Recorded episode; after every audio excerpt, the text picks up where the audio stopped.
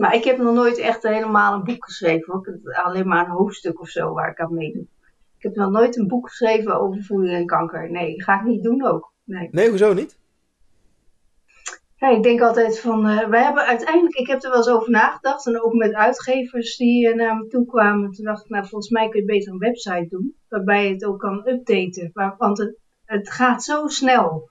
En er zijn steeds weer nieuwe dingen. Ik denk dat je daar met een boek steeds weer achteraan loopt. Terwijl met een website die kun je up-to-date houden. En dan kun je de vragen van mensen ja. opzetten en beantwoorden. En op de, op de, gewoon op de dagelijkse dingen ingaan. Ja. Dus daar heb ik voor gekozen. Dus we hebben een website. Ja, maar is er, um, zijn er geen basiselementen die je misschien toch kan vangen in een boek? Want wij hebben zelf natuurlijk ook uh, inmiddels vijf boeken geschreven en ook uh, uitgegeven. En dat zien we zelf uh, uiteraard ook. Hoe je wel je natuurlijk bij elke nieuwe druk kan je natuurlijk weer het, de inhoud updaten. Die mogelijkheid heb je eigenlijk altijd wel. Maar zijn er niet in jouw vakgebied dan juist elementen die je wel kan, kan vangen in een soort van basisboek? En dat je de rest bijvoorbeeld aanvult op, via een website? Nou, er zijn, ja, ik, ik, ik weet niet. Ik, ik um, denk van, ja, jullie hebben ook met recepten en zo, hè. En dat is dan echt op het publiek uh, gericht. Wat ik overigens erg mooie boeken vind. Uh, en ook heel duidelijk. Maar voor voeding en kanker, ja, dan, dan, ga je niet. Ja, de recepten hebben wij ook op de website. Maar die, die weet ik niet of ik die. Ik ben geen diëtist natuurlijk, hè. En als nee. voedingswetenschapper denk wie gaat er nou mijn boek lezen? Weet je, dat, dat vraag me dus echt af. En ik zie wel heel veel boeken over voeding en kanker langskomen waar het nergens over gaat. En die ook helemaal niet kloppen, maar er wel heel fancy uitzien. En dan krijg ik wel eens de kriebels en denk ik, potverdomme, dat moet beter kunnen, hè? Dus er staat er weer iemand op, die gaat weer eens een boekje schrijven. Ik denk gewoon, nee. Maar goed, uh, ja. Ik denk toch een keer dat we nog een keer uh, na deze show nog een keer, een keer uh, erover moeten hebben, Ellen. Dat uh, denk ik zeker. Want wat kans. je zegt, dat is juist onze hele drijfveer. ja, nou ja, dat is onze hele drijfveer. Dat de titels die we maken, maken we altijd vanuit de inhoud. Dat wij denken van, er zijn zoveel boeken met bullshit. Ja. Dat, die, die een bereik hebben. Dan denk ik van, nou, laten we dan een boek maken die gewoon klopt. En dan gaan we zelf wel zien of we een bereik hebben. Alleen gelukkig hebben, is de realiteit ook dat we juist een bepaald bereik kunnen creëren. Uh, met boeken. En ik vind het grappig dat je het zegt, want wij hebben, jullie hebben toch kankerinfo.nl? Ja, voeding en kankerinfo.nl. Dat loopt overigens als een spier. ja. ja. Nee, maar dat het juist een versterkend effect heeft. Dat uh, met online bereik je een ander publiek dan met, uh, met een boek. En de grap was dat wij al een aantal jaar geleden met de website al een behoorlijk bereik hadden en hebben. En toen we een boek gingen maken, ons eerste boek, toen was het van, oh, nu besta je echt. Terwijl je denkt, hè, dan, dan ontleen je weer een autoriteit omdat je een boek hebt, zeg maar. Omdat dat blijkbaar bij heel veel mensen iets is van, ja, als je een boek hebt, dan besta je. De, jullie jullie uh, opzet is veel breder natuurlijk en, en uh, veel makkelijker dan dat je over voeding en kanker praat. Dat is denk ik wel... Maar goed, misschien moeten we er nog eens over hebben.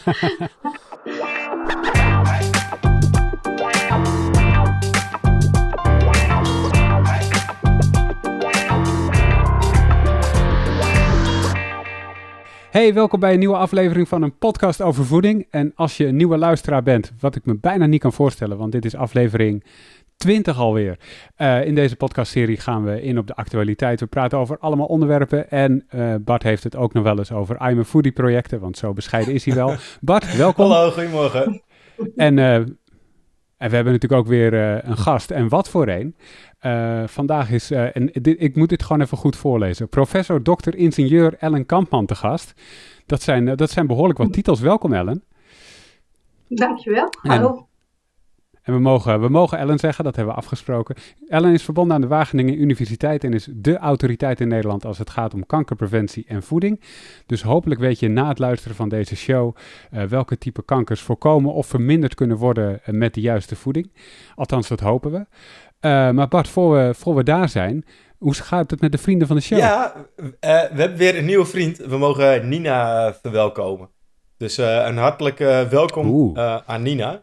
En dat is natuurlijk, natuurlijk weer een trigger om alle andere mensen te gaan enthousiasmeren. Van check eventjes vriendvandeshow.nl slash pof. Voor meer informatie hoe je ja, vriend van de show kan worden van deze show.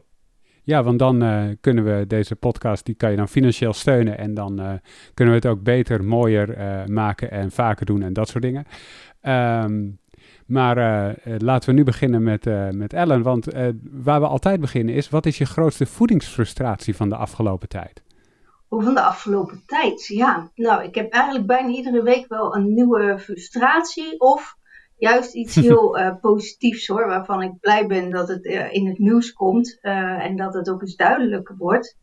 Ehm, bijvoorbeeld deze week was, um, waren de smoothies even in de aandacht. En um, of dat nou allemaal zo gezond is of niet. En daarbij werd ook wel duidelijk dat, dat ja, het feit dat je niet koud en iets heel makkelijk uh, zomaar wegslikt, dat dat eigenlijk maakt dat je je ook niet verzadigd voelt. Hè? En dat je daarmee ook uh, heel veel calorieën in één keer binnen kan krijgen. En uh, ja, soms is dat gewoon niet bekend. En dan denk ik, ja, dat is goed dat daar even aandacht voor komt. Dus het was in dit geval, vertel ik nu geen frustratie, maar die frustraties zijn er ook wel regelmatig. Maar waar, waar kwam je dat tegen, dat, over smoothies? Waar kwam dat vandaan? Ja, dat stond volgens mij op nu.nl. En uh, gisteren was ik uitgenodigd bij Radio Gelderland om daar ook wat uh, over te vertellen. En dat is, uh, komt ook voort uit, uit onderzoek van Wageningen van Guido Kaps, die echt onderzoek doet naar um, hoeveel groente en fruit kun je in één keer binnenkrijgen als je zo'n smoothie binnen hapslik weg doet. Of dat je um, dat allemaal achter elkaar gewoon op zou moeten eten dan blijkt dat dat gewoon absoluut niet kan. En dat je dat heel snel wegkrijgt op die manier aan heel veel calorieën. En dat het kouwen, daar kwam het ook van, uh, ook je gebit uh, schoon houdt. En ook zorgt dat je speeksel maakt en dat je daardoor minder gaatjes krijgt. Nou ja, al, allemaal van dat soort uh, weetjes waarvan ik denk dat mensen dat eigenlijk niet, niet weten. Ik wist dat trouwens ook niet. Dus Um, dan denk ik, ja, dat is allemaal wel goed om eventjes uh, aandacht voor te vragen. Dus ja, en als ik het uh, kort uh, samenvat, dat je dus eigenlijk zegt van laat die smoothies juist staan en eet je fruit en groente gewoon in zijn volledigheid. Dus pak die appel en eet één appel in plaats van dat je een smoothie gaat maken waar dus drie appels zitten, vijf bananen, et cetera. Want dan heb je dus een enorme hoeveelheid aan fruit die je binnenkrijgt, et cetera. Wat dus eigenlijk... Precies. Ja, of proberen of je smoothies te eten met ook wat uh, minder suikerrijke uh, spullen erin. Probeer het eens met spinazie uh, te combineren met fruit, ook lekker. Of met een lepeltje eten, dat je het wat minder snel naar binnen krijgt. Maar alles wat je snel naar binnen krijgt, dus ook die, die sompige hamburger stond er op nu.nl. Dat is inderdaad ook waar. Zo met zo'n met zo'n ja, zo'n zo broodje eromheen bedoel, dat wil je ook niet, dat slik je ook in één keer weg. En dat is ook een enorme hoeveelheid calorieën in één keer, ja. Ja, dat, dat is me ook wel eens opgevallen. Dan was ik uh, in mijn jonge jaren bij een fastfoodrestaurant met een paar anderen. En sommige mensen hebben dan binnen anderhalve minuut zo'n zo'n enorme dubbele burger weg. En die zeiden dan, ja, het is heel gek, maar over een paar uur heb ik weer trek. En ja, toen wist ik nog niet hoe dat kwam. maar, ja, maar als je nu inderdaad, als je, als je daar nou een, een hoog vezelbroodje, een volkoren broodje omheen zou doen, een beetje hard, dan, uh, dan, dan moet je echt kouwen. En dan, dan, dan uh, zijn de signalen naar je brein schijnbaar ook zodanig dat je denkt, nou, ik zit nou wel uh, vol. dus daar kun je ook langer mee doen. Ja, precies. Dus het heeft eigenlijk ook gewoon een functie. Als je 10 minuten aan, en aan het kouwen bent, dat je nu, het is niet, het is niet weg uh, te krijgen. en dat je, hé, hey, dat is juist een positief effect. ja, en dan iets ertussenin, hè, dat het ook... Ja, precies. ja. ja. ja. Ja. Maar uh, je bent natuurlijk de autoriteit op het gebied van kankerpreventie. Um, en de eerste vraag die dan mm -hmm. komt opborrelen is: um, bij, welke, bij welke soorten kanker kun je iets doen qua preventie met voeding? Hoe, hoe kan je welke soorten kanker uh, nou ja, helpt het als je goede voeding tot je neemt? Ja, er zijn uh, uh, een aantal soorten kanker waarvan we uh, weten wat we daar uh, aan zouden kunnen doen, gedeeltelijk. Want geen enkele kanker is met leefstijl te voorkomen natuurlijk. Maar er zijn wel -hmm. een aantal vormen van kanker die, als je gezond eet en meer beweegt, die daarmee ja, je risico in ieder geval kan, kan verlagen. En dat geldt voor dikke darmkanker. Dat is wel de, degene, de, soort kanker waar dat het meeste voor geldt. Omdat je alle voeding ook in die darm uh, krijgt. En die darm ook snel reageert op, uh, op meer bewegen bijvoorbeeld. Dus dat kunnen we ongeveer 50% van dikke darmkanker kunnen we voorkomen door gezond te eten en meer bewegen. Zo. Van alle darmkanker dan, hè. En bij borstkanker is dat ongeveer 30%. Nou, dan hebben we nog uh, longkanker, waar dat al wat uh, minder voor is. Prostaatkanker heeft ook een, uh, een leefstijlachtergrond. dat zijn eigenlijk wel de meest, de belangrijkste vormen van kanker waar leefstijl wat, wat doet.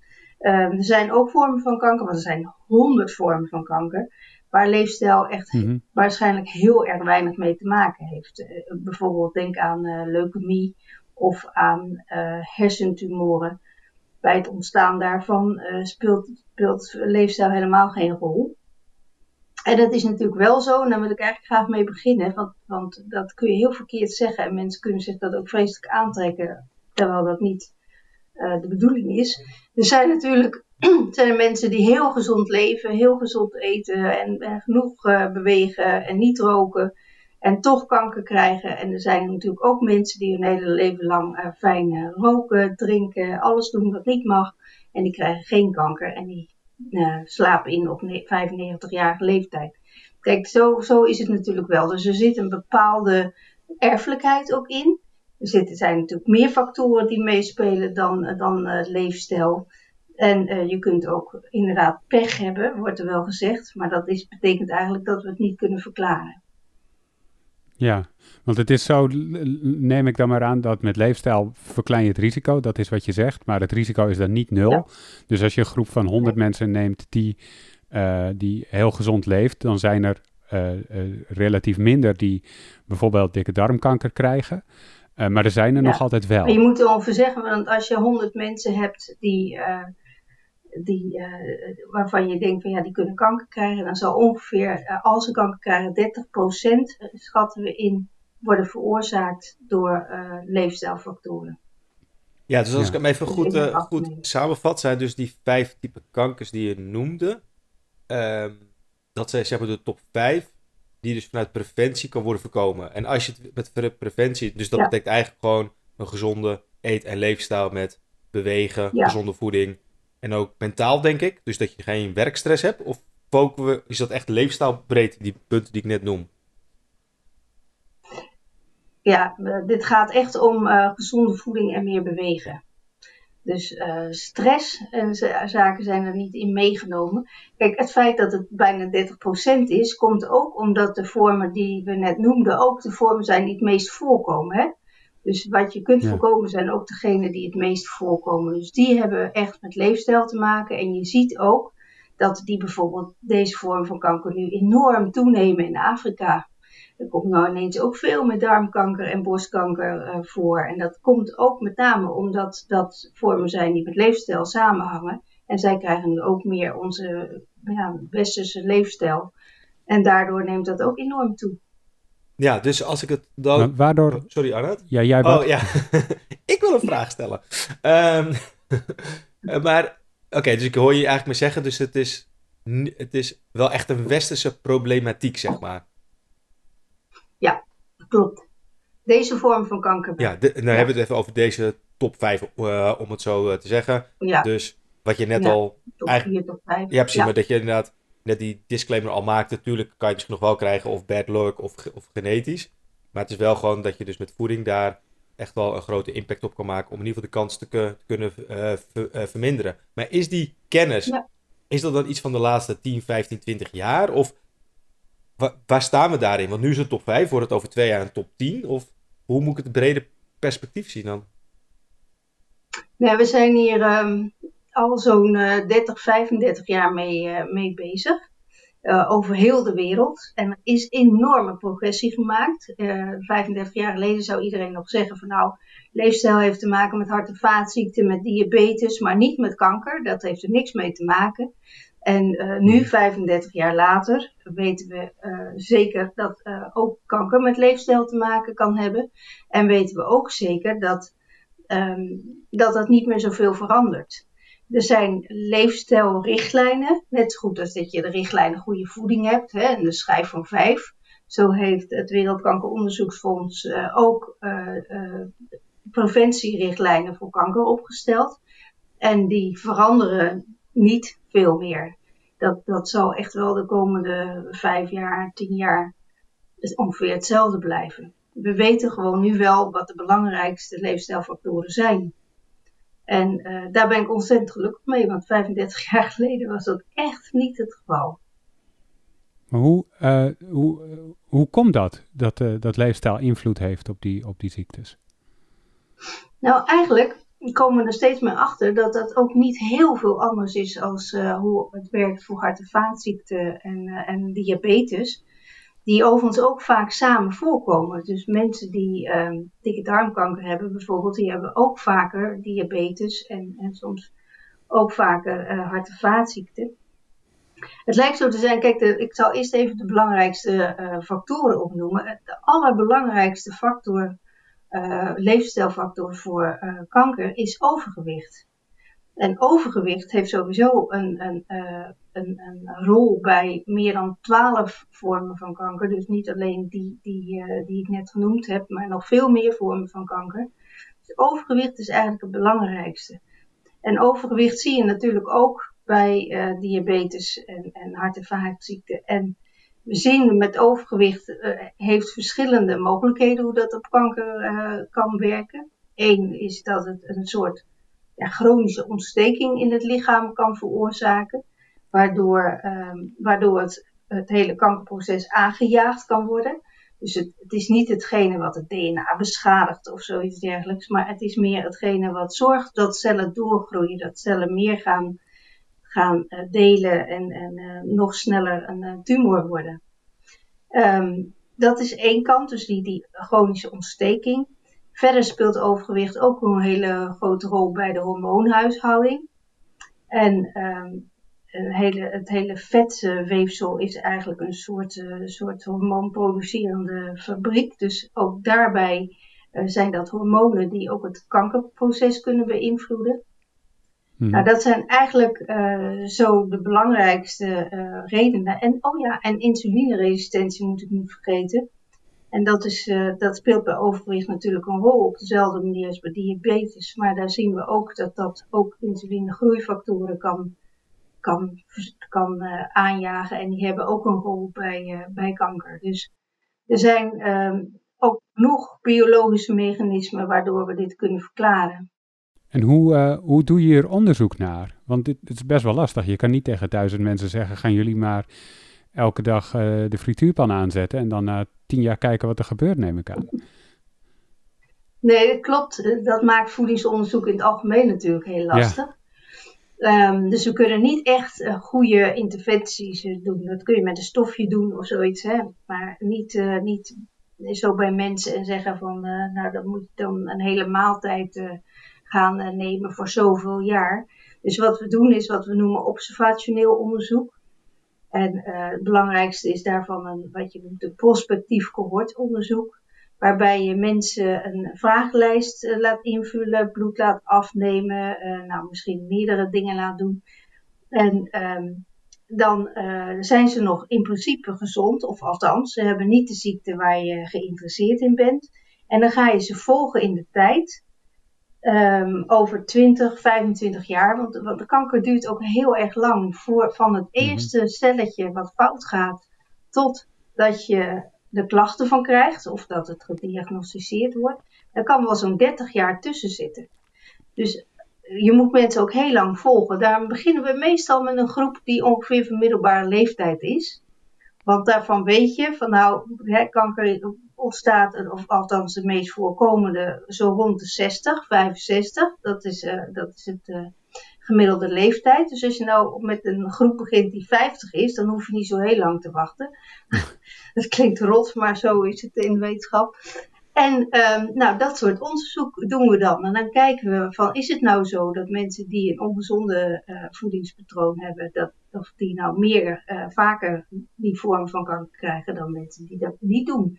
En um, nou, dat, dat, zien we inderdaad, dat, dat grote verschillen kunnen zijn die uh, tussen die groepen spelen. En, maar begrijp ik het goed dan, Ellen, dat als ik geen overgewicht heb, dan heb ik dus die 30% minder kans op nou, die top 5 ziekten. zo makkelijk is het niet, want het is niet alleen overgewicht. Ehm, er zijn nog veel meer factoren die van, van belang zijn. we zien bijvoorbeeld, het ligt ook aan het, weer aan de vorm van kanker waar je het over hebt. We zien bijvoorbeeld dat rood vlees, dan hebben we het over ehm, varkensvlees en rundvlees. Dat is vlees wat er rood uitziet als je het koopt. En dan is het, dat is de gewone natuurlijke kleur uh, heemijzer die daar een rol speelt. Dat verhoogt het risico op darmkanker. Dus als je, als je meer dan, uh, dan vijf keer per week uh, varkensvlees, rundvlees, paardenvlees, schaapvlees enzovoort zou eten, dan verhoog je daarmee ook al je risico op darmkanker enigszins. Buiten dat is het zo dat als je weinig vezel gebruikt, voedingsvezel. En dat doen ook maar heel weinig Nederlanders uh, zitten aan de, aan de goede uh, kant van de, van de inname van voedingsvezel. Want we nemen allemaal veel te weinig. Dat uh, is ook een risicoverhogend voor verschillende vormen van kanker en voor diabetes over het. En dan kun je een goed gewicht hebben, maar dat wil dan niet zeggen dat je ook echt gezond eet natuurlijk. Maar hoe kan ik dan inderdaad, want ik ben, ben dol op lijstjes. dus ik wil die 30% bij mezelf gaan verminderen. Zeg ik het dan goed dat ik dan moet zorgen dat ik geen overgewicht heb? Dan moet ik zorgen dat ik genoeg vezels binnenkrijg. Heb je daar een vergangbaar getal? Is 35 gram per dag, is dat voldoende vezel? Of oh ja, dat is prachtig. Even... De aanbeveling okay, zit op 30 gram. Maar je kunt ook zeggen van okay, okay, probeer die twee stuks fruit binnen te krijgen. Hè, en probeer die 200 mhm. gram groente uh, of 250 gram uh, binnen te krijgen. Dan zit je, dan zit je heel goed met je lijstje. Probeer dan uh, zeg maar, nou, misschien drie keer per week vlees te eten maximaal. En dan één keer vegetarisch. Ja, ik ben vega. Dus ik, ik, oh, ik nou, ben, ben, ben, vegetariër. Dus vlees dat eet ik sowieso nou, niet. Dus dat is ook checkbox? Ja, okay. het is goed op zich. Alleen je moet dan wel rekening mee houden dat je genoeg vitamine B12 binnenkrijgt bijvoorbeeld. Hè? Ik neem aan je niet vegan bent, maar... Eh, nee, maar nee, ik ben met vegetarisch zorgt er wel voor... Want het is niet zo dat vegetariërs uh, het uh, minder darmkanker krijgen. Dat wordt niet altijd gevonden. Dat heeft ook te maken met het feit dat sommige vegetariërs, maar dat is net hoe je het definieert... Um, juist ook tekorten kunnen hebben in B-vitamines. En die moeten wel weer uh, goed zijn. Dus het is niet uh, zaligmakend als je helemaal geen vlees eet. Maar dus over het algemeen zeggen we wel wat vlees.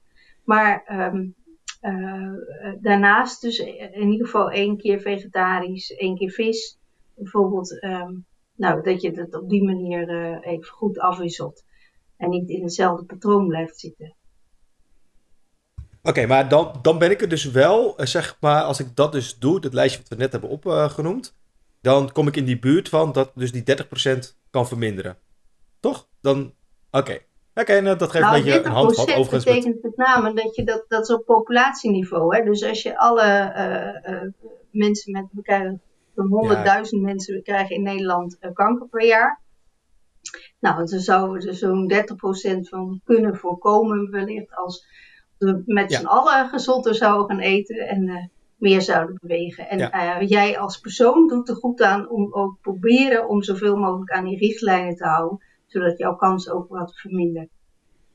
Ja, neem niet weg dat ik nog steeds 70% wel kans heb. En maar dat wordt dus dan meer. Ja. Is dat genetisch familie bepaald dan, als ik het dan toch wel krijg? Ja, of leeftijd bepaald. Bijna alle, ja, het vind ik vervelend voor jullie, maar bijna alle mannen krijgen prostaatkanker.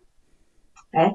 Dus eh, hmm. bijna alle mannen gaan met, een, uh, met prostaatkanker uh, overlijden ze. Dat wil niet zeggen dat ze daaraan overlijden, maar die prostaat is er gewoon niet op, op, op bestand om, om, om langer dan zoveel jaar mee te gaan. Dus het is ook wel zo, we worden steeds ouder. Dus op een gegeven moment is het ook, ja, waar ga je aan dood? Hart- en vaatziekten, ehm, kanker, nou, soms longontsteking of covid nu. Ehm, maar ja, dus, dus al, je zult altijd wel op, op latere leeftijd zul je altijd wel wat krijgen. Bezig. Maar het gaat er met name om dat we proberen om te voorkomen dat mensen het niet op een leeftijd krijgen waar, waar het vaak ook agressiever is, hè, op jongere leeftijd.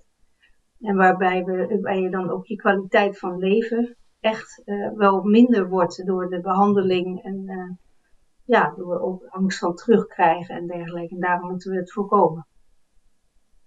Ja, ik probeer me even nog in, eh, in eh, te denken met de, met de prostaat. Is dat dan gewoon zeg maar een slecht ontwikkeld onderdeel in een mannelijk lichaam of zo? Gewoon evolutionair of zo? Dat, we dat, gewoon, dat het gewoon niet stabiel genoeg gebouwd is? Of dat gewoon een levensduur heeft van 60 jaar. Hè? De 60 jaar is ja, we wilden dat we dat wisten, maar we zien, dit is wat ik, wat ik uh, zie. Dus als je alle, alle mannen zo gaan bekijken die overlijden en je kijkt naar hun prostaat, hebben ze bijna allemaal een vergrote prostaat. En nou, jij kent natuurlijk allemaal wel het verhaal van hoe ver kun je plassen op een gegeven moment.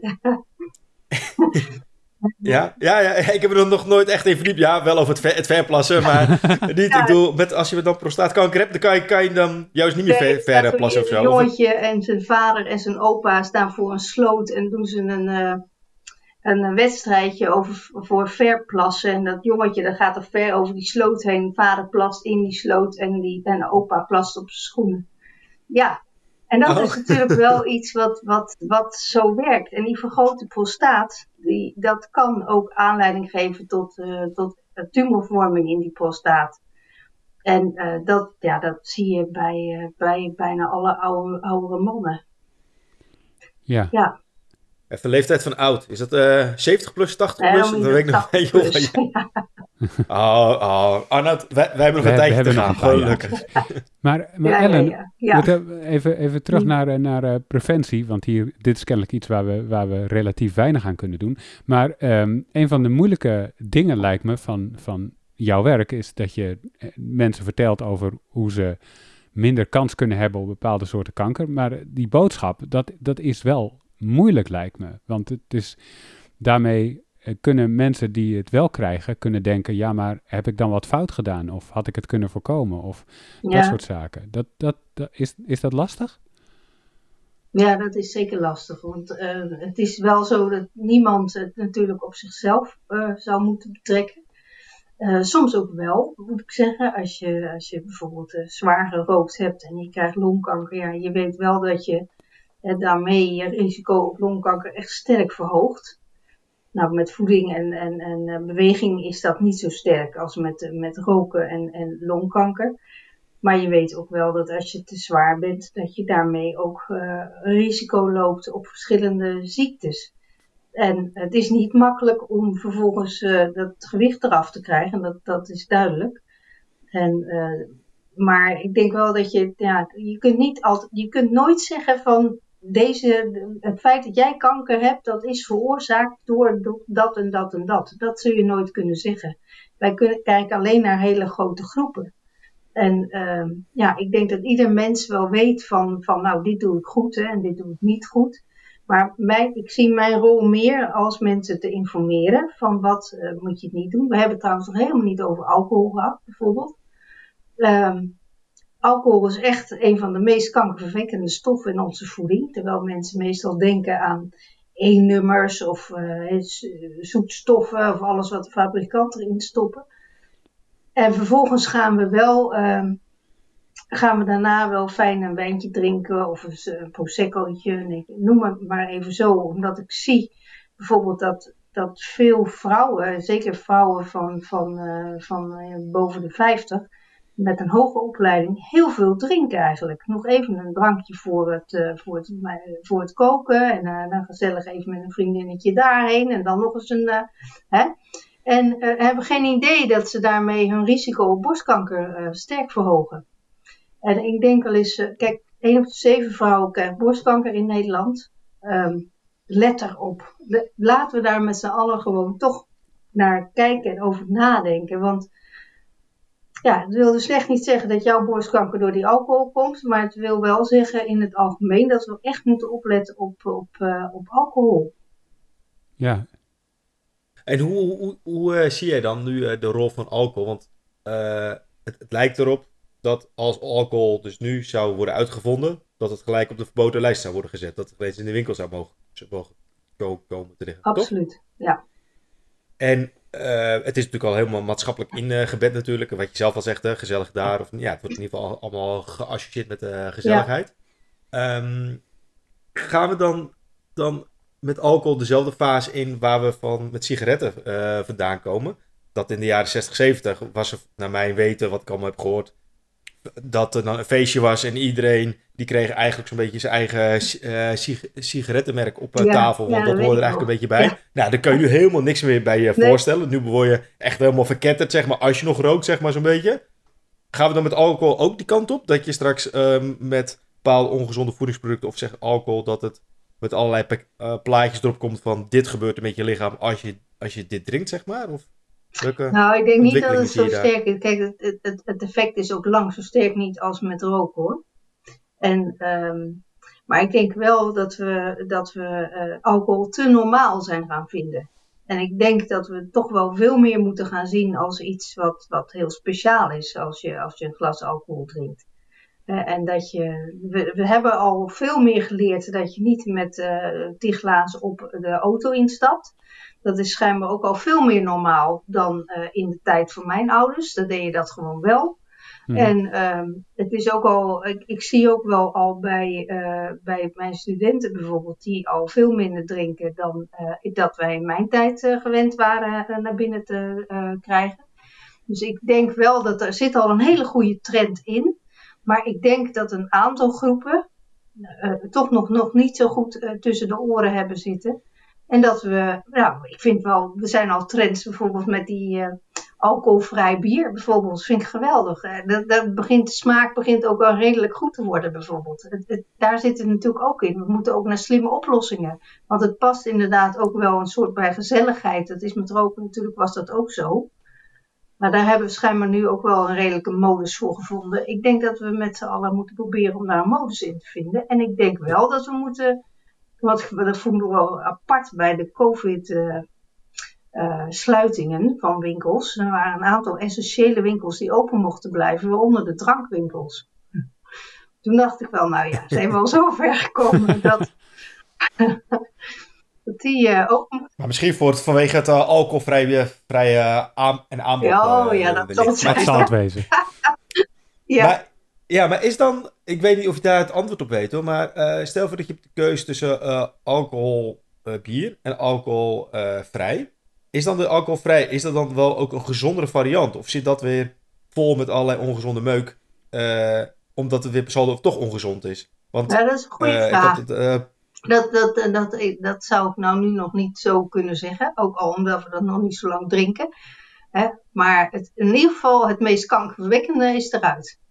Dus het, dat, dat scheelt in, in ieder geval enorm. Ja, precies. Uh, en uh, of daar, uh, nou, ik denk niet dat er zoveel meuk in zit, overigens. Het, is, het blijft natuurlijk wel iets wat ook je, wat, wat wel relatief, wel minder geloof ik dan alcohol, bier, maar minder, er zit wel veel calorieën in nog steeds. Hè? Het is niet zoals een glaasje water of zoiets dergelijks, maar dus daar moet je natuurlijk nog steeds wel mee uitkijken. Maar ik denk wel dat ja, dat is in ieder geval een, een stuk, een grotere, een grote stap voorwaarts, denk ik. Als we nou ook nog eens lekkere alcoholvrije wijn uh, zouden hebben, zou ook uh, veel schelen, denk ik. Hé, hé, hé, dat is best lekker. Ja, want, eh, want... Vind ik. Hè? Is dat best lekker, ja? Ja. Oh, oké. Ja. Ik ben ermee begonnen in, uh, in COVID-tijd trouwens. En de, de, eerste keer denk je, hè, dit is helemaal geen wijn. Dus je moet even van de mindset af van dat het hetzelfde is als wijn. Uh, je moet er gewoon naar de mindset toe dat het een, gewoon een drank is die er is en die ook een keuze is. Uh, die je kan maken. En dan denk je, oké, okay, dit is een drank op zichzelf. En als je dan drie keer hebt gedronken, dan denk je, oh, ja, bedoel, aan bier heb ik ook moeten wennen, dus wie ben ik? Um, nou, goed punt daar. Dat houden we ja. Zo moet het worden. Nou, ja. ik, ik, vind het, ik vind het op zich wel grappig om te horen, want uh, het doet me ook denken aan de show die we een tijd geleden al hebben opgenomen met uh, Jaap Seidel. En daar had het namelijk ook over, over vlees eten en rood vlees. Dat hij zegt, nou, er gaan steeds minder rood vlees eten, maar die gaan en masse over op uh, ja, de vegetarische alternatieven. Alleen daar is dan wel weer het nadeel van, dat het vol wordt gestopt met enorm veel zout, uh, smaakmakers, palmvet en heel veel dingen. Dus je zegt, ja, je hebt, het is wat dat betreft vanuit dierenwelzijn en ook vanuit je, ja, uh, toch ook wel het menselijk lichaam, zeg maar, wel een betere keuze. Maar ja, het is niet dat je in één keer 80% uh, beter gaat. Want vervolgens stop je lichaam weer vol met die ongezond, ja, maar die daar is het, Daar is het wel echt van bekend, Bart. Dat, dat, uh, dat die, uh, die, die vleesvervangers soms heel hoog zitten in zout bijvoorbeeld. En, en, en soms ook hoog in vet. En dat is natuurlijk ook, ja, om die, om die smaak van vlees te kunnen vinden, is ook echt een enorme uitdaging. En dat, dat schijnt nog niet zo eenvoudig te zijn. Maar uh, dat is voor die producten wel bekend. Maar voor alcoholvrij bier, uh, daar is mij niet bekend dat daar al iets in zou zitten wat niet uh, goed is. Maar daar ga ik nu wel meer naar kijken. Maar volgens nog is dat niet iets waarvan we dat al weten. En dat weten we van vleesvervangers wel. Ja. Oké. Hey Arnoud, op deze manier dus stimuleren, dan hebben wij toch misschien wel een klein beetje onze bijdrage geleverd aan de, aan de richting van de voedingswetenschap, waar misschien hmm. Ellen zich mee bezig gaat houden. Want je bent al, vijf, al 35 jaar bezig, Ellen. ja. Um, hoe, 35, nou. Ja, precies. En um, waar ben je het meest trots op eigenlijk in het, wat je de laatste 35 jaar heb, uh, hebt gepresteerd? En de tweede vraag is eigenlijk van, wat gaat er nog in de glazen bol gebeuren voor jou? Um, waar ik wel heel trots op ben. Hmm. Nou, in ieder geval dat ik uh, een hele fijne uh, groep uh, medewerkers om mij heen heb. toen we begonnen waren maar enkelingen in Nederland die bezig waren met voeding en kanker. En nu is dat echt een grote groep, niet alleen maar in Wageningen, maar ook verder uitgebreid. En ik vind het dan enorm leuk om dat te zien. Um, maar als ik aan een onderwerp denk waarvan ik denk van ja, dat vind ik dat we daar goede bijdrage aan hebben geleverd, is ook om, uh, is, is, is dat we mensen ook meer bewust maken dat voedingssupplementen ook het risico op kanker kunnen verhogen. Ik wil niet altijd uh, zeggen, en zeker niet als je geen tekorten hebt, dat uh, voedingssupplement slikken um, maar gewoon um, ja, geen kwaad kan. Het kan wel degelijk ook Dus ik denk wat dat betreft dat dat is een van onze eerste onderzoeken geweest waarbij we hebben laten zien dat foliumzuur, synthetisch foliumzuur, wat in uh, supplementen voorkomt, dat dat um, het risico op, op darmkanker uh, kan verhogen. En, en nou, dat je daar echt, en daar zijn we nog steeds mee bezig, want foliumzuur wordt ook gebruikt bij chemotherapie. En moeten we ook kijken van hoe zit dat daar dan uh, precies mee. Dus we zijn nog steeds uh, meedoende. Maar we kunnen nu in ieder geval wel zeggen, kijk daarmee uit. En ik heb destijds toen het idee kwam om ons brood of meel met foliumzuur te verrijken. Zoals dat ook gebeurt in, in de VS bijvoorbeeld en in Ierland. Heb ik gezegd, heb ik zelfs kamervragen laten stellen. Met, en, en aan willen geven van kijk uit. Want het is echt niet zo dat dat in hoge doseringen goed is voor heel Nederland. Voor die mensen die een hoog risico hebben op bepaalde vormen van kanker, kan dat juist uh, een kankergroei versnellen. Dus je moet, je moet dat niet doen. Uh, dat is niet gebeurd, niet omdat ik dat zei, maar omdat het veel te duur was, geloof ik. Maar uh, ik heb toch het idee dat we daar wel een belangrijke bijdrage hebben geleverd. En uh, dat we dat ook nog steeds doen. Dus ik, ik, eh, ja, dat is wel hetgeen waar ik geloof ik het meest trots op ben. Buiten de mensen die allemaal met me werken nu en waar ja, die het echt uh, geweldig veel uh, voort helpen, dit hele vakgebied. En de toekomst, hoe kunnen we die, hoe, hoe schat je die? Nou, ik denk dat de toekomst... Dan voor jezelf, waar het heen gaat? Ja, voor mezelf. Maar in ieder geval waar, waar het onderzoek heen gaat, ik, um, dat zien we nu ook wel. Daar zijn we de laatste nou, 15 jaar zo, mee begonnen. En uh, dat begint nu ook echt goed te lopen. Is, uh, wat doen we voor mensen die al kanker hebben of kanker hebben gehad? Um, wat zijn daar dan de aanbevelingen? Zijn dat dan dezelfde aanbevelingen om je uh, risico op kanker te verkleinen? Of moeten we daar toch andere kunnen we daar iets anders tegen uh, zeggen? Um, wat doe je tijdens, uh, tijdens de therapie bijvoorbeeld? Mensen met chemotherapie die allerlei smaak- en geurproblemen krijgen. Of mensen met, vrouwen met borstkanker die door de uh, hormoontherapie of chemotherapie aankomen in gewicht. Um, nou, mannen met prostaatkanker, die, die allerlei spierverlies en dergelijke. Wat kunnen we dan doen? Nou, daar is de landelijke werkgroep diëtistenoncologie ook uh, sterk mee bezig in Nederland. En we doen daar ook allemaal nu onderzoek naar om te kijken van wat kunnen we daarvoor doen. En ik, ik denk dat dat in de toekomst nog veel sterker gaat, uh, gaat worden. Hey, en zijn er nog fabels uh, die hardnekkig leven bij mensen waarvan je zegt, nou dat moet ik echt even zeggen, die moeten de wereld uit? Ja, er zijn, er zijn heel veel fabels. Um, En, en uh, dat is het leuke van, uh, van onze website. Een, een website voeding waar uh, mensen ook vragen kunnen stellen. Um, die we dan ofwel beantwoorden per persoon of als de vraag vaak voorkomt, dan zetten we hem ook op de site met een antwoord. En dan zien we, kunnen we dus ook goed bijhouden wat er nu weer leeft. Er zijn er van die hypes. En dat is een tarwegras was een hype bijvoorbeeld. Dat iedereen zat aan de tarwegras.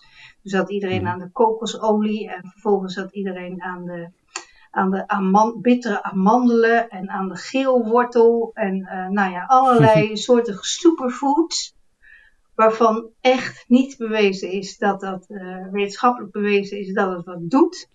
En, um, en vervolgens kan het ook soms zelfs wel kwaad, wat de bittere amandelen betreft. Het is echt ongelooflijke uh, uh, ja, giftige stoffen, de cyanides uh, zitten daarin. En ja, dat kan inderdaad de kankergroei remmen, maar daarnaast doet het nog meer verschrikkelijke dingen. Uh, dat soort fabels, ja, dat, dat, dat leeft enorm. En met geelwortel ook, dat, dat mensen, turmeriek, hè, de geelwortel, dat uh, ook dachten dat dat uh, ja, heel goed zou zijn. Nou, het wordt heel slecht door ons lichaam opgenomen. In de vorm die we nu binnenkrijgen via de voeding. En heeft het heel erg weinig zin om daar heel veel van binnen te flikken. Want het komt gewoon weer aan de andere kant eruit. Dus het, weet je, dat soort uh, zaken. En nou, dus de supplementen, dat vind ik ook een aardige. Maar aan de andere kant zijn er ook fabels die leven waarvan ik hoop dat ik die ook nog omver krijg. Bijvoorbeeld um, Mensen denken soms dat koffie uh, kanker zou kunnen veroorzaken. Ik hoor ook veel als ik verhalen hou uh, in bibliotheken of, of bij, bij de, de, op universiteiten. Of, dat, dat je, dat hoor ik ook wel van, ja, mag ik nou wel koffie drinken? Want mijn vrouw zegt dat dat ook kankerverwekkend is. En dan denk ik, ja, nou, dat is dus absoluut niet het geval. En uh, sterker nog, uh, koffie lijkt te beschermen tegen een bepaald aantal vormen van kanker, waaronder leverkanker bijvoorbeeld en baarmoederkanker. Dus het is zeker niet zo dat je je koffie moet laten staan. En uh, drie, vier. Maar maakt, maar maakt het. En, maar, ja, maar sorry, Ellen, maar maakt het uh, dan uit hoe je je koffie drinkt? Is het filterkoffie? Doe je het met cupjes? Doe je het in een percolator? Ja. Maar of is het, kan je dat generiek zo zeggen? Of zijn er dan toch weer wat nuances in? Nou, voor, ja, kijk, er zijn altijd nuances in. Want je, cupjes is niet goed voor het milieu. En voor zover we. Misschien heeft Arnoud wel al een goed cupje koffie uh, die uh, wel lekker is. Maar cupjes koffie die, niet, die goed afbreekbaar zijn, die vind ik nog niet te drinken. Dus ik, uh, ik hou het daarom bij de filterkoffie, zoveel mogelijk. Maar dat is meer een milieu, uh, als een milieu-oogpunt. Uh, je kunt het hebben over duurzaamheid. Hoe duurzaam is het dat we dat spul al, allemaal importeren? Aan de andere kant kun je ook weer denken van wat, wat als wij geen koffie zouden drinken, wat gebeurt er dan met al die uh, Afrikaanse, Zuid-Amerikaanse boeren? Maar um, daarnaast is nog zo, en dat is wel belangrijk om even te noemen, is ook dat onge dat uh, ongefilterde koffie kan wel stofjes bevatten. KWO, kafstol. Dat zijn hele vetachtige uh, stofjes.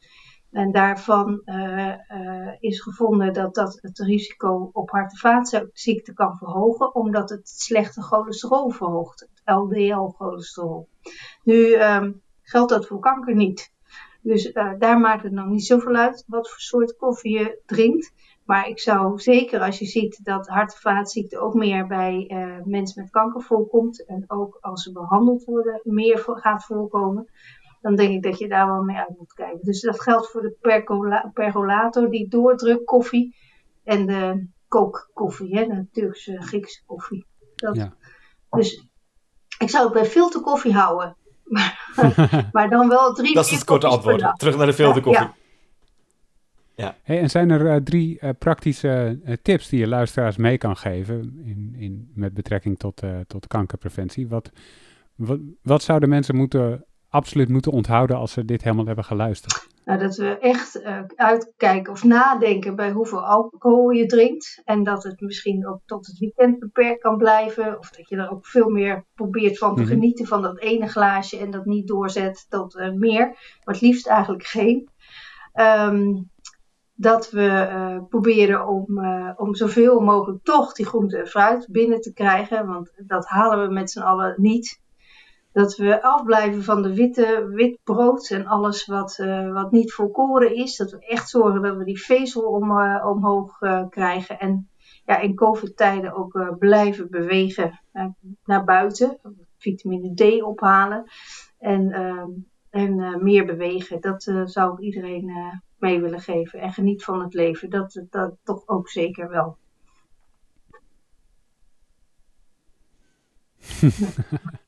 het zijn er vier, maar we rekenen het goed hoor. En uh, tot slot dan, wie, wie zouden we nog meer moeten vragen als gast in deze podcast? Um, ik heb het net kort even gehad over um, de, de, toekomst van het kankeronderzoek en dat het gaat over kankerpatiënten. En dat we, uh, dan gaat ook over mensen die tijdens chemotherapie hun smaak en geur kwijtraken en dan heel veel moeite hebben om nog iets uh, lekker te vinden, ergens van te kunnen genieten. En uh, daar is um, een, uh, een diëtiste mee bezig, Kelly Silverio, die is bezig met smaaksturing. En ik denk dat zij daar heel leuk over kan vertellen hoe je met smaaksturing toch weer mensen aan, aan, een, aan een lekkere maaltijd kunt krijgen. En um, dat geldt ook wel een beetje voor mensen die COVID hebben gehad en hun smaak en geur uh, kwijt zijn geraakt. Dus dat ik denk dankjewel. Dat dat een heel leuk iemand is om daar eens over te bevragen. Yes, en dat meent hij letterlijk, want ik heb het hem zien opschrijven. Um, tot slot nog, de, de, um, je hebt al een site genoemd, maar als mensen zo stoppen met luisteren, moeten ze die URL kunnen invoeren. Kun je die nog een keer noemen, die site waar je, waar je meer kan vinden over uh, uh, adviezen met betrekking tot waar je mee bezig bent? voedingenkankerinfo.nl. Die staat onder de site van het Wereldkankeronderzoek. En Bart, heb jij nog dingen onder de aandacht te brengen namens I'm a Foodie? Ja, eigenlijk wel. We zijn echt bezig met hele gave uh, projecten. En nou ja, we hebben natuurlijk het uh, intuïtief eten uh, boek. Dat wow, is inmiddels de tweede druk is uit. Dus dat is echt super gaaf eigenlijk. Dat, dat boek is echt net drie weken is hij beschikbaar. En toevallig kregen we gisteren, dat dan maandag, de tweede druk weer, uh, alweer binnen van de, de drukker. Dus dat is echt super gaaf. En um, dat is eigenlijk het tekstboek. En dan de opvolger ervan is dan het werkboek. Die is, is vorige week hebben we die in de pre-order gedaan. Dus die is dan nu te bestellen. Die wordt dan ja, medio september, zoals ik nu kan inschatten. Ik heb het nog niet aan het team verteld, dus dat wordt heel spannend Je hoort het hier dat ik het ga noemen. Nee, maar ik denk, ja, nou ja, ik denk dat ze een hart, hartverzakking krijgen als ik zeg in september, dan uh, gaan we hem versturen. Nee, maar de, de vertaling is inmiddels klaar. Dus we zijn nu bezig met het design, laatste uh, redactiewerk. Dus dat is het uh, werkboek wat erbij hoort. En we hebben ook binnenkort dan nog een show die we opnemen met collega Dida, Dide Huver. Zij is dan een geaccrediteerde intuïtief eten diëtist. En we gaan namelijk ook starten met één op één coaching. Dus ja, daar zijn we nu volop achter de schermen mee bezig. Dus dat is ja, medio juli gaan we daarmee starten. Dat we dan starten met een webinar voor ter informatie, eigenlijk een informatiesessie. En dan vanaf augustus, ja, dan kunnen de eerste deelnemers kunnen dan meedoen met een vier maanden programma. En het laatste plek waar we eigenlijk mee bezig zijn, dat is met name meer voor professionals, voor ja, collega-diëtisten. zijn we bezig met een online training. Het gaat over literatuur, zoeken, interpreteren, vertalen. Mhm. Eh, dus ja, daar gaan we ook uh, binnenkort meer mee, mee naar buiten. Dus uh, dat zal ook ergens rond het najaar komen. Dus ja, dat zijn eigenlijk in de kort alle projecten waar we mee bezig zijn, Arnoud. Spannende dingen. Nou, dan sluiten we het af voor vandaag. Dankjewel Ellen dat je in de podcast aanwezig wilde zijn. Graag gedaan, was leuk. Gelukkig. Dankjewel voor het luisteren en tot volgende keer. Oké, later.